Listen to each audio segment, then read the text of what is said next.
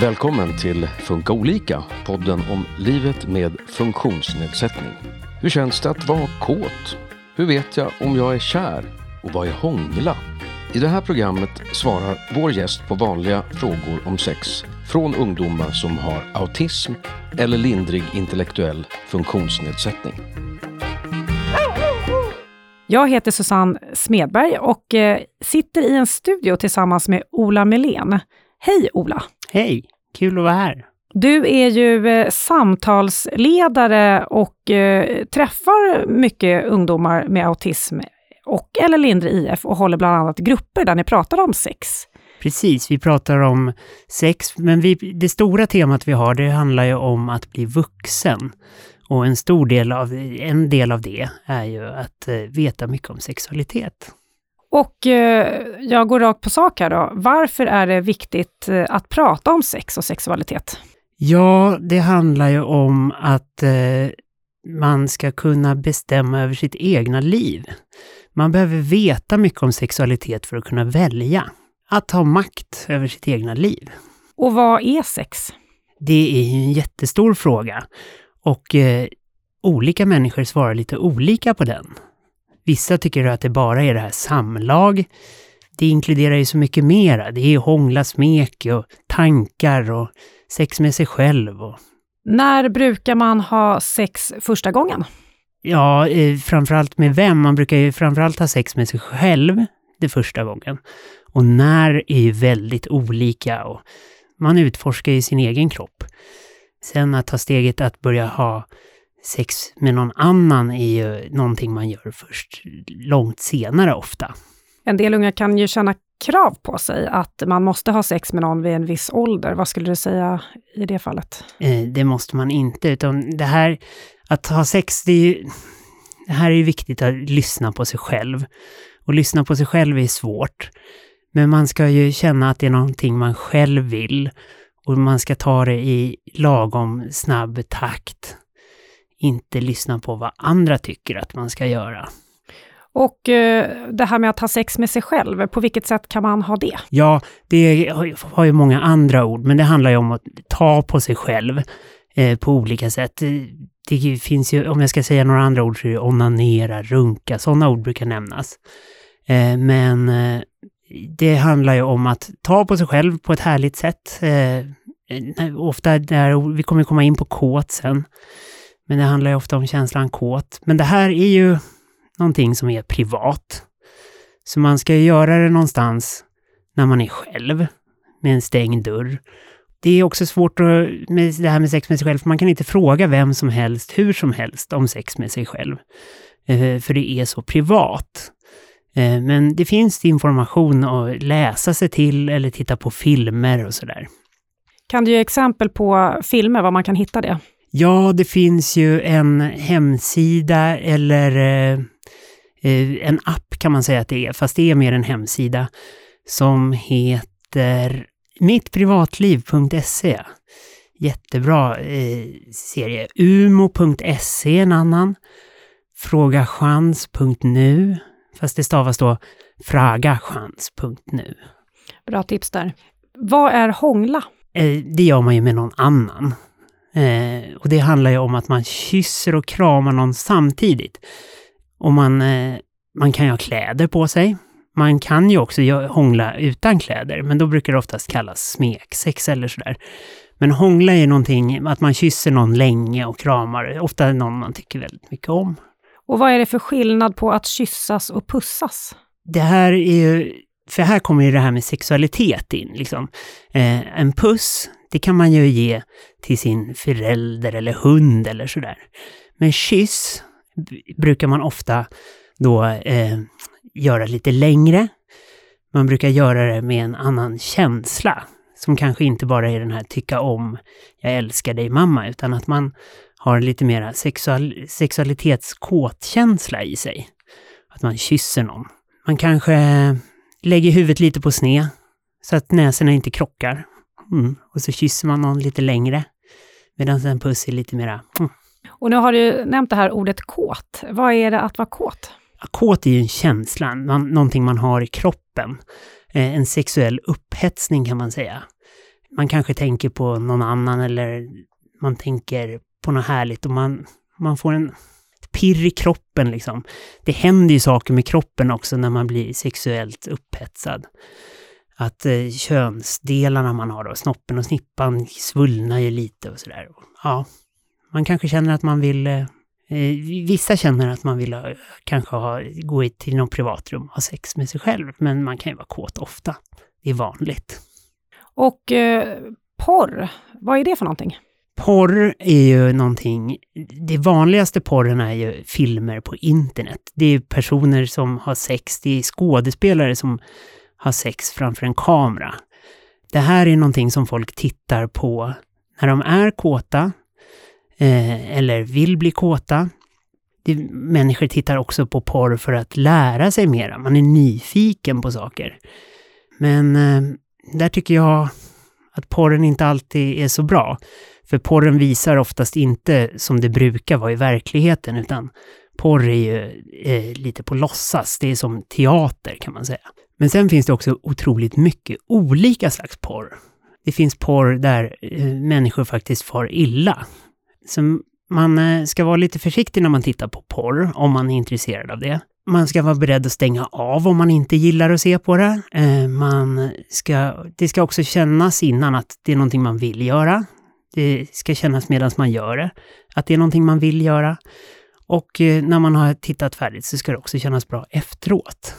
Eh, är det så att det inte kändes bra efteråt, då kanske man ska välja att titta på någon annan slags porr eller inte titta på porr alls. Så om någon till exempel vill titta på porr med en och man själv inte känner att det känns bra, då kan man gå därifrån? Ja, nej tack, kan man säga då. Och inte titta på porr. Om man vill lära sig lite om hur man kan ha sex och porr inte är det bästa stället att lära sig det ifrån, vad kan man titta då? Men då skulle jag rekommendera till exempel eh, fragachans.nu, alltså det är Fråga Chans, men fragachans.nu. Det är för lite yngre barn och det handlar om att lära sig om eh, mycket om alla känslor i kroppen som händer när man hamnar i det här som kallas puberteten, när kroppen förvandlas från barnkropp till vuxenkropp. Eh, där finns det också mycket kändisar som pratar i filmer om hur det var att pussa någon första gången. Eller. Sen så om man är lite äldre så finns det den här sidan som heter umo.se som står för ungdomsmottagningen på nätet. Jättebra sida. Det här, om vi stannar kvar lite vid porr, det här med fantasier. Kan det vara farligt att ha fantasier om sex? Nej, det skulle jag inte säga. Alltså, så här är det ju med fantasier är ju lite som stor, i stort i livet. Man kan drömma om saker som man vet aldrig kommer ske. Man kanske inte ens vill att det ska ske. När man frågar någon om någons drömjobb eh, så kanske den inte vill jobba med det egentligen, men man, man är ändå lite sugen på det. Men, ja. Eh, så kan det ju även vara med sex, att man drömmer om saker men man vill inte att det ska ske på riktigt. Och det kan man ju kalla en fantasi. Finns det några faror med sex? Ja, det gör det ju faktiskt. Man, man kan ju fara illa i, om det är till exempel att man inte vet så mycket om sex. Eh, så kan man ju hamna i situationer som man inte visste skulle hamna, även om man vet mycket om sex, så kan man hamna i sådana situationer där man känner sig pressad och gör saker man inte vill. Och det mår man inte bra av. Eh, sen finns ju könssjukdomar. Eh, det kan man ju också skydda sig emot. Eh, sen kan man ju, om man, är, man kan ju bli gravid Eh, och, och även fast man inte vill det. Och sen finns det ju också det här med övergrepp och personer som gör en illa, eh, som man kan råka ut för. Hur kan man skydda sig från att eh, sådana här saker ska hända om vi till exempel eh, börjar med det här med att bli utnyttjad eller att man behöver göra något mot sin vilja? Precis, ja men då är det ju viktigt först att ha koll på vad saker och ting är för någonting. Så om någon säger knulla så ska man ju veta vad knulla är. Eh, och eh, sen så måste man också, ja, vi, vi i våra grupper, vi brukar träna på att säga nej och stopp. Eh, för att det är så viktigt att kunna göra det. Det är också viktigt att kunna säga ja tack om det är någonting man är sugen på. Eh, men det är viktigt att eh, kunna sätta gränser i sådana här lägen. Och könssjukdomar, hur skyddar man sig från det? Ja, eh, det är ju, könssjukdomar det ju, handlar ju oftast om när ett kön nuddar ett annat kön eller ett kön nuddar en mun. Och eh, då har vi ju ett skydd som kallas kondom. Det skyddar ju om det är så att man vill göra de här sakerna och skydda sig mot könssjukdomar. Eh, sen finns det ju massor med andra sexsaker man kan göra där det inte smittar med könssjukdomar. Så det är också ett sätt att skydda sig. Kan också säga här att eh, om man är orolig för att man har fått en könssjukdom så kan man ju kontakta en ungdomsmottagning och Verkligen. testa för det. Graviditet då? Hur skyddar man sig från det? Ja, eh, det är lite olika om man är en person som är en snopp eller om man är en person som har en snippa. Eh, om man är en person med snopp, då är det ju kondom som gäller. Om man är en person som har en snippa så är det ju kondom eller andra preventivmedel såsom p-piller och sådär. Och för att få tag på sådana här p-piller, då ska man prata med en ungdomsmottagning. Eh, Så här är det ju att ungdomsmottagningen är jättevana vid att få frågor om allt sånt här. På ungdomsmottagningen finns det gratis kondomer och man kan få veta massor med saker. Om vi går in lite på det här med sex och relationer då. Eh, måste man vara kär eller ihop för att ha sex? Nej, det måste man inte. Eh, man måste, det är det här som jag pratade lite om innan, eh, att man måste ha den här känslan av att man vill göra med just den här personen. Det är ju både det att man skulle vilja prova det här med till exempel hångla och att man skulle vilja prova det här med att hångla med just den personen. Eh, så det, ska kännas bra. Men det kan ju vara så att man är lite osäker. Att man kanske känner lite mer ja. Eh, och då får man ju ta det lite försiktigt. Kanske be om lite mer betänketid kan man göra om, om någon skulle fråga om man, får, om man vill hångla med den. Eller så kan man ju prova att hångla lite och sen säga stopp. Nej, det här passar inte mig. Kan vi inte bara pussas och kramas istället? Hur vet man om man är kär? Åh, kär är ju en jättestor känsla som kan kännas på massor med olika sätt. Kär är ju lite speciellt så, för man kan lägga på alla andra känslor. Man kan vara kär och jätteledsen, man kan vara kär och jätteglad, man kan vara kär och det kan göra ont i kroppen. Så det, kär är en jättestor känsla. Eh, den känns på olika sätt i kroppen. Man har fjärilar i magen, det dunkar i hjärtat, det gör ont i hjärtat. Man blir alldeles svettig, man kan inte prata med den personen. Det är svårt att säga exakt hur det känns när man är kär, men det är en stor känsla. Det låter jobbigt att vara kär. Är det härligt också? Många personer tycker att det är mycket härligt att vara kär. Många personer tycker också att det är jättejobbigt. Det finns ju också det här med, man kan ju vara kär i en person som man vill bli ihop med. Sen kan man ju också vara kär i till exempel en idol. Och man vet att vi kommer aldrig bli ihop, men jag är kär ändå. Och det går ju också bra. Om man vill ha sex med någon, hur gör man då? Ja, det här är ju också lite som när jag pratade om sex med sig själv. Det är en privat grej, eh, men ändå så ska man göra det med någon annan. Man kan inte bara gå fram och fråga vem som helst om den vill ha sex med en. Eh, då kommer det ofta den personen bli väldigt arg eller tycka att man är obehaglig och så. Man ska lära känna en människa innan man frågar om man ska ha sex med den. Och eh, sen så brukar det, det är ofta vanligt att man liksom pussas och kramas och sådär innan. Hur träffar man någon då? Också en jättesvår fråga, för det finns så många olika sätt och det är många som tycker att det här är, som gärna vill träffa någon, men att det är svårt. Eh, Men det är vanligt att man träffar någon i skolan, att man träffar någon på någon fritidsaktivitet, ofta där man träffar andra människor eh, och lär känna människor. Och förhoppningsvis kanske man kan hitta någon där. Det här med att träffa någon via internet då? Det är också jättevanligt. Men eh, här tycker jag man ska vara lite försiktig. Eh, kanske kolla av med kompisar eller föräldrar eh, så att eh, de också vet vem den här personen är och eh, ja, så man inte far illa. För det är på internet de här personerna som utnyttjar barn och ungdomar eh, ofta finns.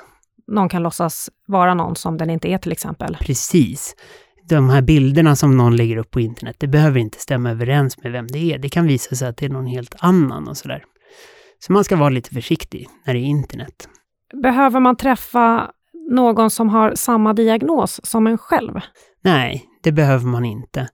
Eh, utan det som är viktigt om man, om man är ihop med någon och sådär, det är ju att man, eh, att man har en, eh, att man får bestämma lika mycket och att man har koll på varandra.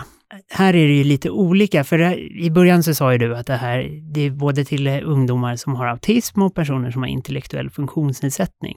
Och har man en intellektuell funktionsnedsättning går man ju ofta i särskolan. Så där är det ju väldigt vanligt att man träffar någon annan i skolan eller sådär, eh, som också har intellektuell funktionsnedsättning. Det, jag träffar många ungdomar som drömmer om att bli ihop med någon som inte har intellektuell funktionsnedsättning. Men ofta de som är ihop med någon har ofta har de träffat i skolan eller sådär.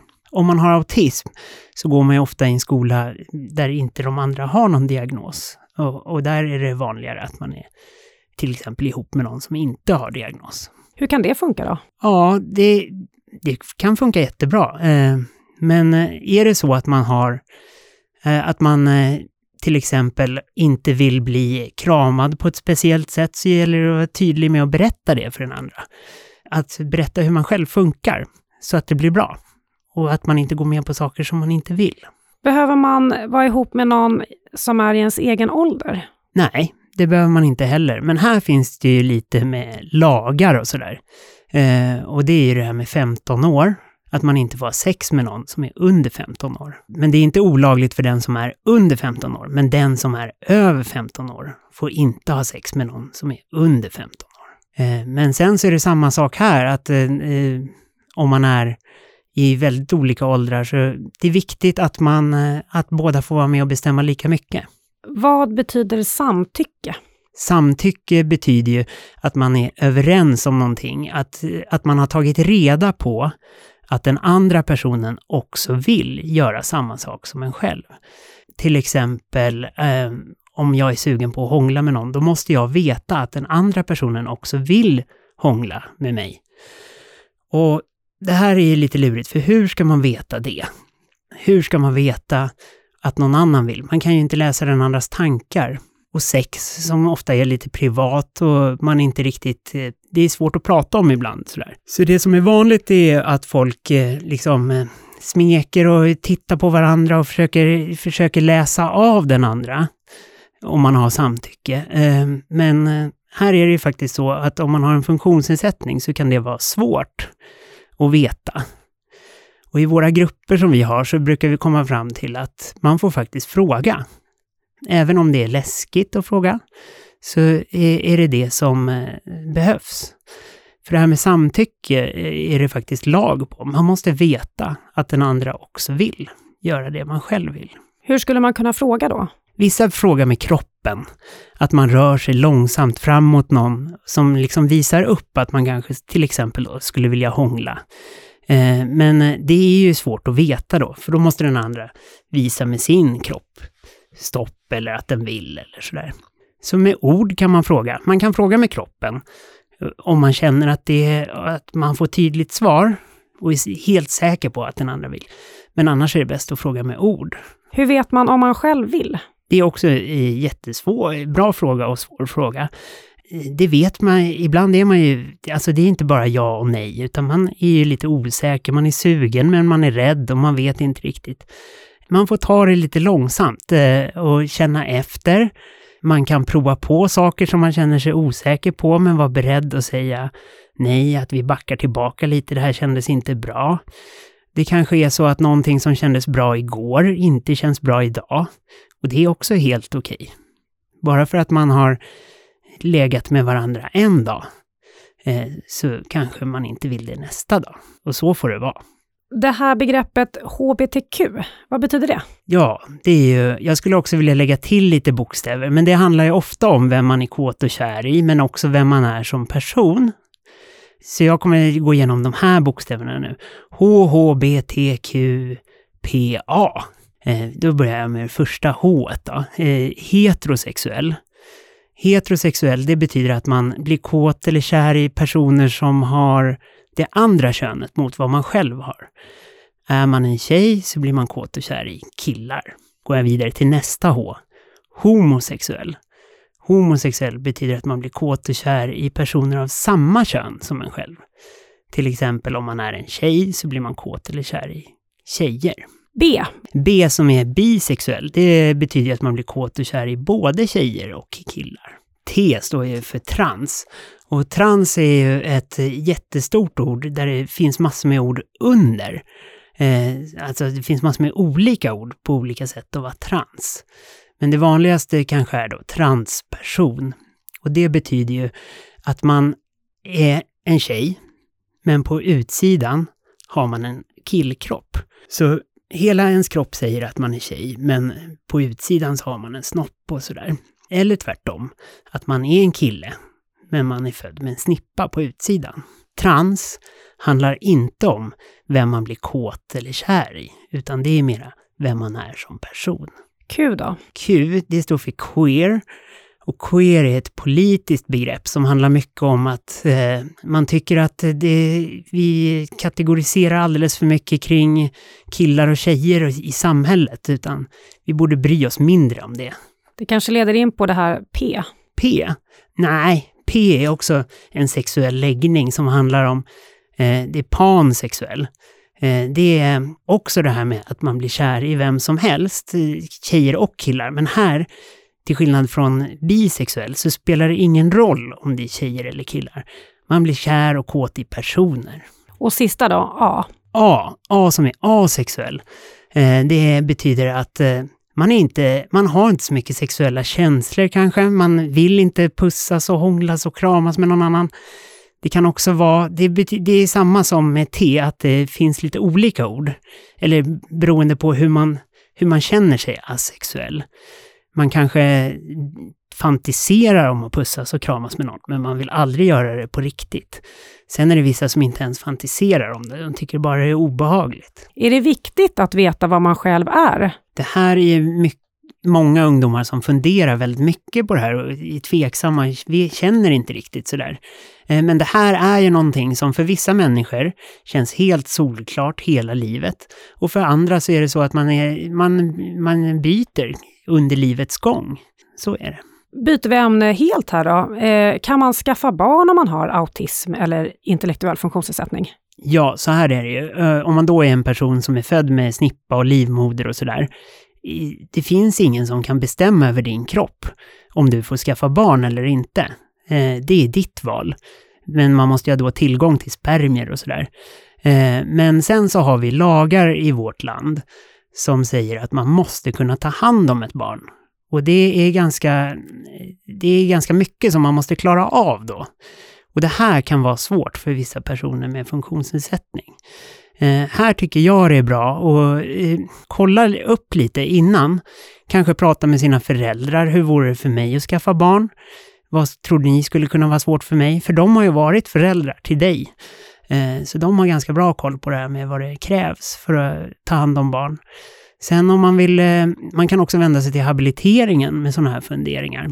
Hur skulle det gå för mig om jag skaffar barn? För innan man har skaffat barn så vet man inte riktigt vad som väntas av en. Men man kan skaffa barn om man har en funktionsnedsättning. Eh, men det är det här med att ta hand om barnet som kan vara svårt. Kommer barnet få samma funktionsnedsättning som man själv har? Eh, det är inte helt säkert, men det är ganska vanligt att eh, funktionsnedsättningar går i arv eller att det sitter i generna sådär. Det beror lite på vad man har för funktionsnedsättning och hur man fick den. Eh, till exempel så kan det vara så att man fick sin funktionsnedsättning i förlossningen eller sådär. Då kanske det inte kommer gå i generna. Men det där är också bra att kolla med sina föräldrar eller gå vidare till en vårdcentral om, man är väldigt, om inte ens föräldrar kan svara på det. Är det något annat som ungdomarna brukar undra över i de här grupperna ni har? Ja, men det är ju själva det här ämnet sexualitet och frågor och sånt där kring det. Eh, att många tidigare tänkt att det är lite förbjudet att prata och fråga om de här sakerna. Eh, men det är det ju inte. Utan det finns ju, dels kan man ju prova att fråga sina föräldrar. Många föräldrar är jättebra på att svara på sådana här frågor.